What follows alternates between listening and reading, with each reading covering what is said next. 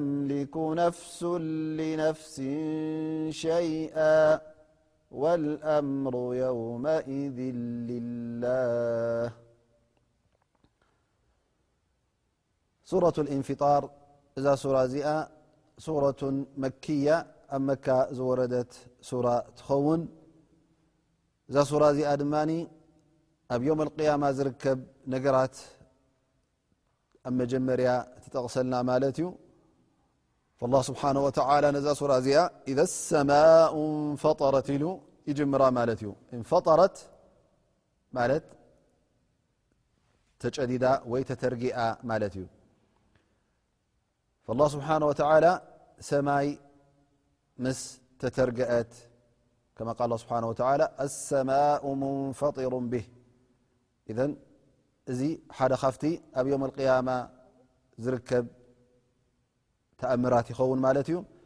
فالله سبحانه وتعلى ب ي ز خخرن ل نرت كركب كم انه وإذا الكواكب انتثرت كم ون كواخبت كل مس وق فحبت مسأتو وإذا البحار فجرت كمኡ ውን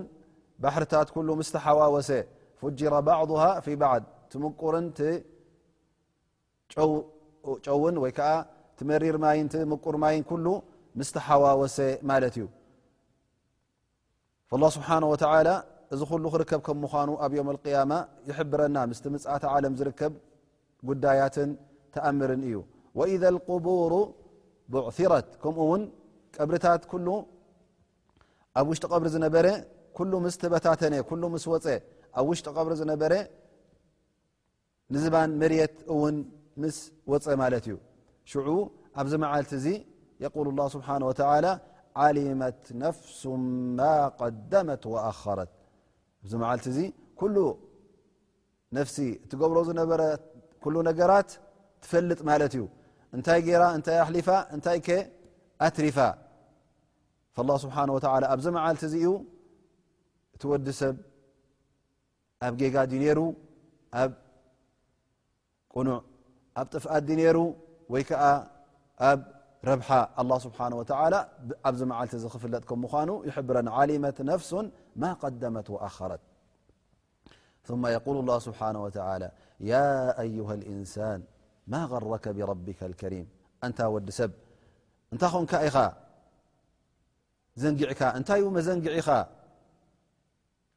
እቲ ክብሪ ጎይታኻን እቲ ሓይሊ ጎይታኻን ንኸይ ተስተውዕል ዘዘንግዓካ እንታይ እዩ እዚ እውን ተህዲድ ማለት እዩ ኣላ ስብሓን ወተላ ነቲ ወዲ ሰብ ዝገብሮ ዘሎ ገበናት ካብኡ ምእንቲ ክቁጠብ ዝህቦ ዘሎ ታህዲድ ይኸውን ማለት እዩ ማ غረከ ብረቢካ ከሪም ስለዚ ክትዝንጋዕ ኣይነበረካን ኣንታ ወዲ ኣዳም ስለምንታይ ኣኻ ዘንጊዕካ ጎይታኻ እኮ ብጣዕሚ ክቡር እዩ ብጣዕሚ ዕዙዝ እዩ ስለምንታይ ትእዛዛቱ ዘይሰማዕካ ስለምንታይ ትእዛዛቱ ጥሒስካ እቲ ዝሃበካ ር እቲ ዝሃበካ ሽሻይ ስለምንታይ ብኽፍኣትን ብጥፍኣትን ብክሕደትን ተቐቢልካዮ እዚ ዓብ ገበን እዩ ማለት እዩ ዝንጉዕ እንተ ዘይትኸውን ነርካ ነዚ ነገር እዚ ኣይምፈፀምካ ነርካ ለذ ኸለቀካ ፈሰዋክ እሱ ዘይኮነ ኣ ስብሓን ወተላ ዝኸለቐካን ዝፈጠረካን ፈጢሩ ኸዓ ሙሉእ ገይሩካ ፈጢሩ ኸኣ ፅቡቕ መልክዕ ሂቡካ ኣብ ብሉፅ ገፅ ብሉፅ ቅርፂ ገይሩ ድማ ፈጢሩካ እሞ ስለምንታይ ኢኻ ነዚ ጎይታኻ ዝትክሕዶ ዘለኻ ለذ ኸለቀካ ፈሰዋክ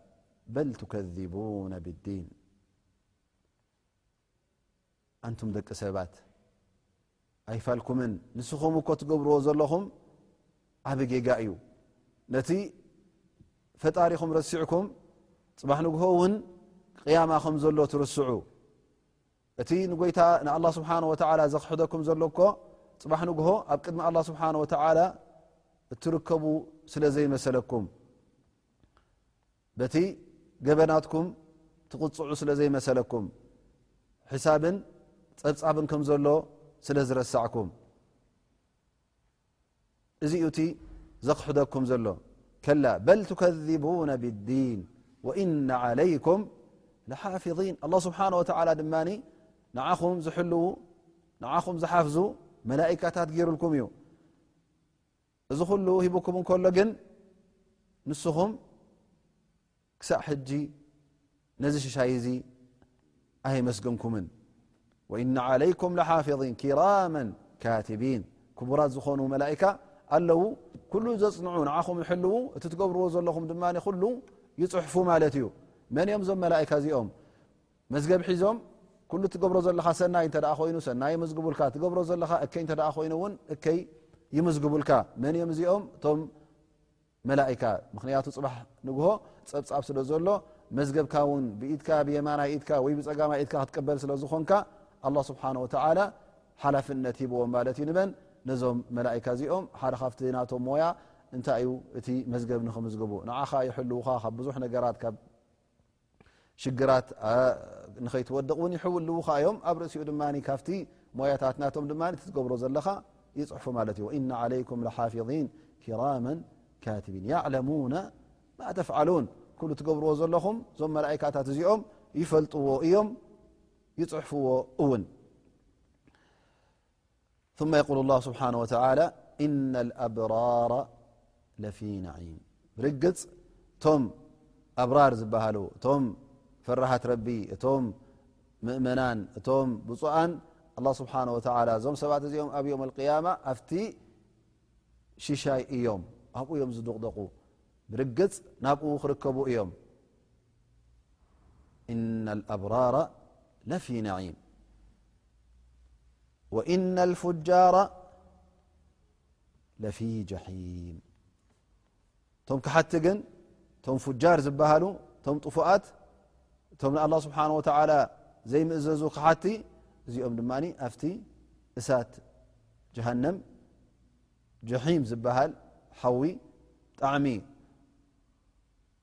ረስኒ ዘለዎ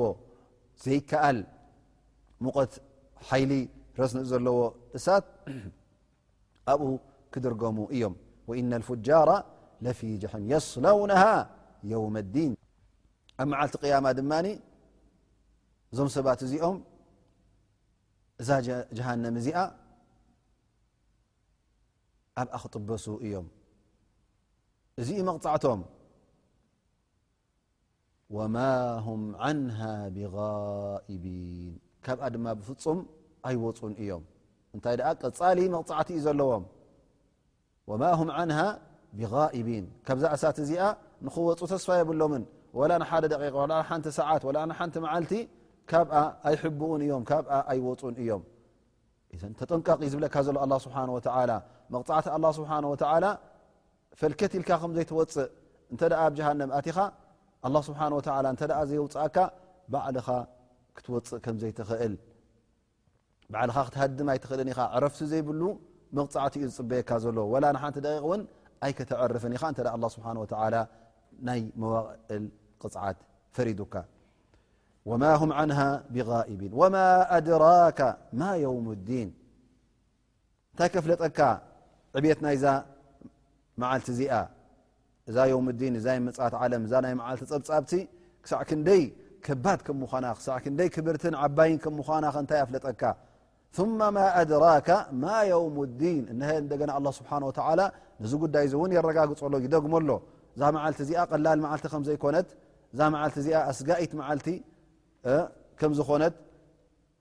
ኩሉ ሰብ ዘንፈጥፍጠላን ዝፈርሃላን መዓልቲ ከም ዝኾነት ኣላ ስብሓን ወተላ ከምዚ ገይሩ የቕርበልና ኣሎ ማለት እዩ ወማ ኣድራካ ማ የውም ዲን ثማ ማ ኣድራካ ማ የውም ዲን የውመ ላ ተምሊኩ ነፍሱ ንነፍሲ ሸይኣ ኣብዛ መዓልቲ እዚኣ ዝኾነት ትኹን ነፍሲ እትውንኖ ነገር የብላን ንነፍሳ ይኹን ንካልኦት እውን ወላ ሓንቲ ክትጠቅም ኣይትኽእልን እያ ኣላ ስብሓን ወተላ ዝቐፅዓ ነፍሲ ካብ መቕፃዕቲ ትወፅን እያ ኣነ ይኹን ንስኻ ይኹን ካልእ ሰብ ውን ካብዚ መቕፃዕቲ እዚ ክንናግፎ ኣይንኽእልን ኢና ኢላ ኣንየሻ ኣላ ስብሓን ወተላ ኩሉ ብናቱ ድልትን ብናቱ መሽኣን እዩ ዝኸውን ማለት ኣላ ስብሓን ወተላ እንተ ደኣ ነዛ ነፍሲ እዚኣ ካብቲ ዘላቶ መቕፃዕቲ ንክትወፅእ እንተ ዘየፍቀደ ወላ ዝኾነ ይኹን ሰብ ክሽፋዕ እንተ መፅኡ መንጎኛ ክኸውን እንተ መፅኡ ኣይክጠቕመካን እዩ የውመ ላ ተምሊኩ ነፍሱ ሊነፍሲ ሸይኣ ዝኾነት ነፍሲ ንዝኾነት ነፍሲ ፍፁም ትውንነላ ጠቕሚ የለን ክጠቕመካ ዝኽእል የለን ብጀካቲ ዝገበርካዮ ሰናይ ተግባር እንተዘይኮይኑ ካልእ ነገር ፍፁም ኣይጠቕመካን እዩ ኣቦ ይጠቕመካ ውላድ ኣይጠቕመካ ኣደይ ትጠቕመካ ሓው ኣይጠቕመካ ነንሕድሕድካ ሽዑኡ ኣይትጠቓቐምን ኢኻ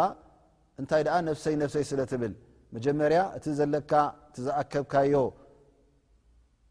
ሰናይ ነገራት እንተ ኣሎ ኮይኑ ንሱ እዩ ክጠቕመካ ማለት እዩ ብድሕሪኡ እውን እንተ ደኣ ናይ ነቢና ሙሓመድ صለ ላሁ ለ ወሰለም ሸፋዓ እተ ክትረክብ ኮንካ ወይ ከዓ ናይቶም ቤተሰብካ ሸፋዓ መንጎኛ ኮይኖም እንተ ክጠቕሙካ ኮይኖም እዚ ነገር እዚ እውን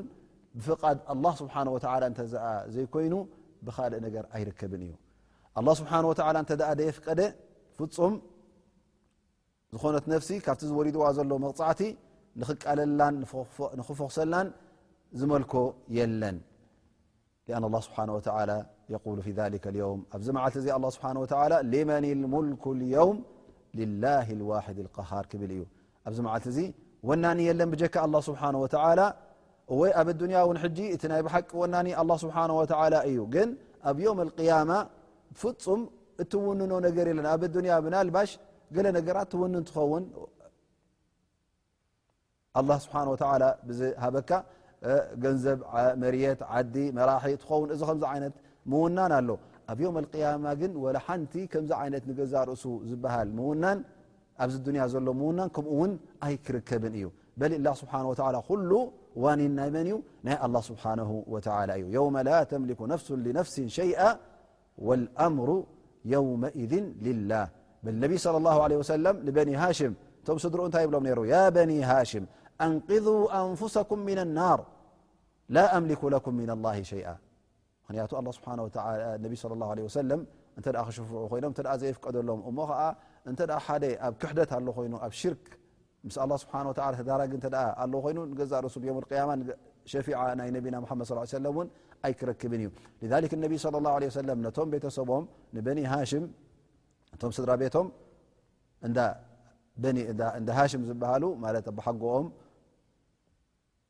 ሃሽም ስለ ዝነበር ነቢ ስ ሰለም ኩሎም ካብ ሃሽም ዝውለዱ እንታይ ይብሎም ነሩ ኣነ ፍፁም ዝጠቕመኩም ነገር የብለይን ነፍስኹም ካብ እሳተ ጀሃንም ኣውፅኡ እንተ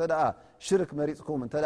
ክሕደት መሪፅኩም ምስልምና ምእታው እተ ኣብኹም ኣነ ዝገብረልኩም የብለይን ኢሎም እነቢ ለ ላه ለ ሰለም ነቶም ቤተሰቦም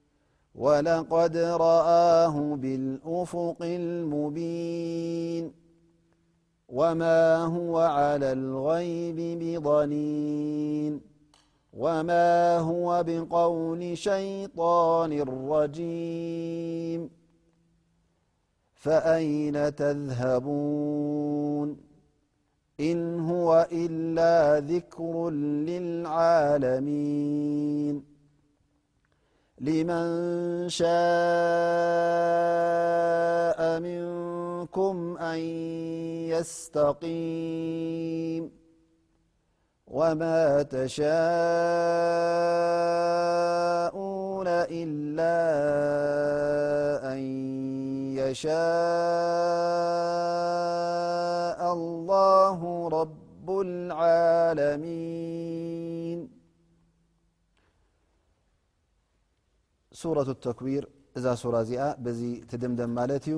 እን ሻ ላ ሎሚ ተን ተሪፈን ዘለዋ ደቃይቕ ገለ ካብኣ ንወስድ ኣብቲ ዝመፅ ዘሎ ደርስና ድማ እንሻ ላ ክንምልኣ ኢና ሱረቱ ተክዊር እዛ ሱራ እዚኣ ኣብ መካ ዝወረደት ሱራ ማለት እዩ እዛ ሱራ እዚኣ ድማ ن صلى الله عليه وسلم بل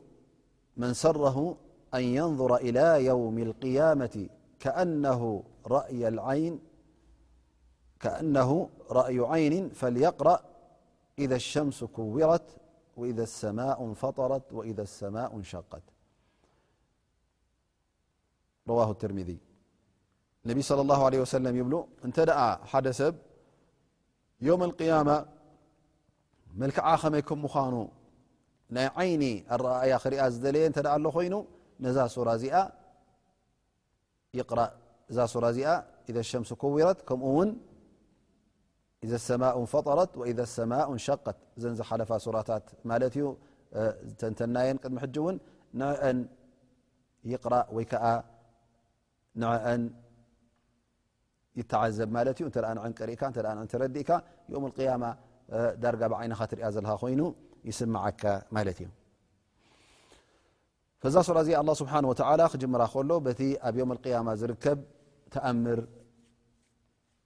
ይጠቅስ እያ ኣብቲ መዓልቲ ምፅኣት ዝርከብ ተኣምር ጌና እቲ ኣላ ስብሓን ወተላ ኣብዚ ዱንያ እዚ ፈጢርዎ ዝነበረ ከሊቕዎ ዝነበረ ካልእ ዓይነት ክኸውን እንከሎ ካቲ ዝነበሮ ባህሪ ካልእ ባህሪ ክለብስ እንከሎ እዚ ነገራት እዚ ክርከብ እንከሎ ንኡ ይጠቕሰልና ማለት እዩ ፈየቁል ላ ስብሓን ወላ ኢዘ ሸምሱ ኩውረት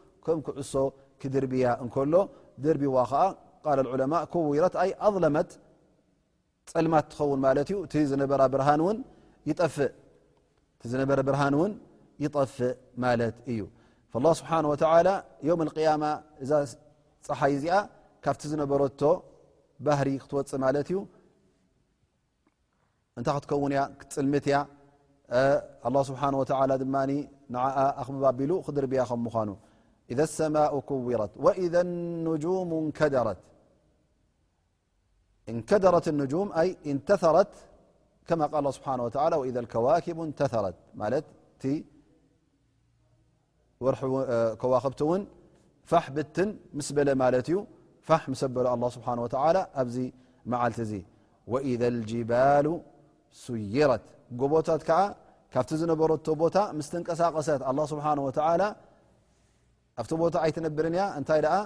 እቲ ቦታ የንቀሳቀሳ ካብቲ ቦታ ትወፅእ ማለት እዩ ፈየንስፍሃ ወንስፈት ማለት ኣላ ስብሓን ወተላ ድማ ነዛ ነዚ ኣክራናት እዚ ነዚ ጎቦታት እዚ እውን ካብቲ ቦትኡ ኣርሒቑ ከም ዝተሓማሸሽ ይገብሮ ማለት እዩ ይሕምሽሾ ፈቱሪከት ኣርض ቃዓን ሰፍሰፋ እዛ መሬት እዚኣ እቲ ዝነበረ ጎቦታት ከምዘይረአ ኸውን ማለት እዩ ኩሉ ይሕምሸሽ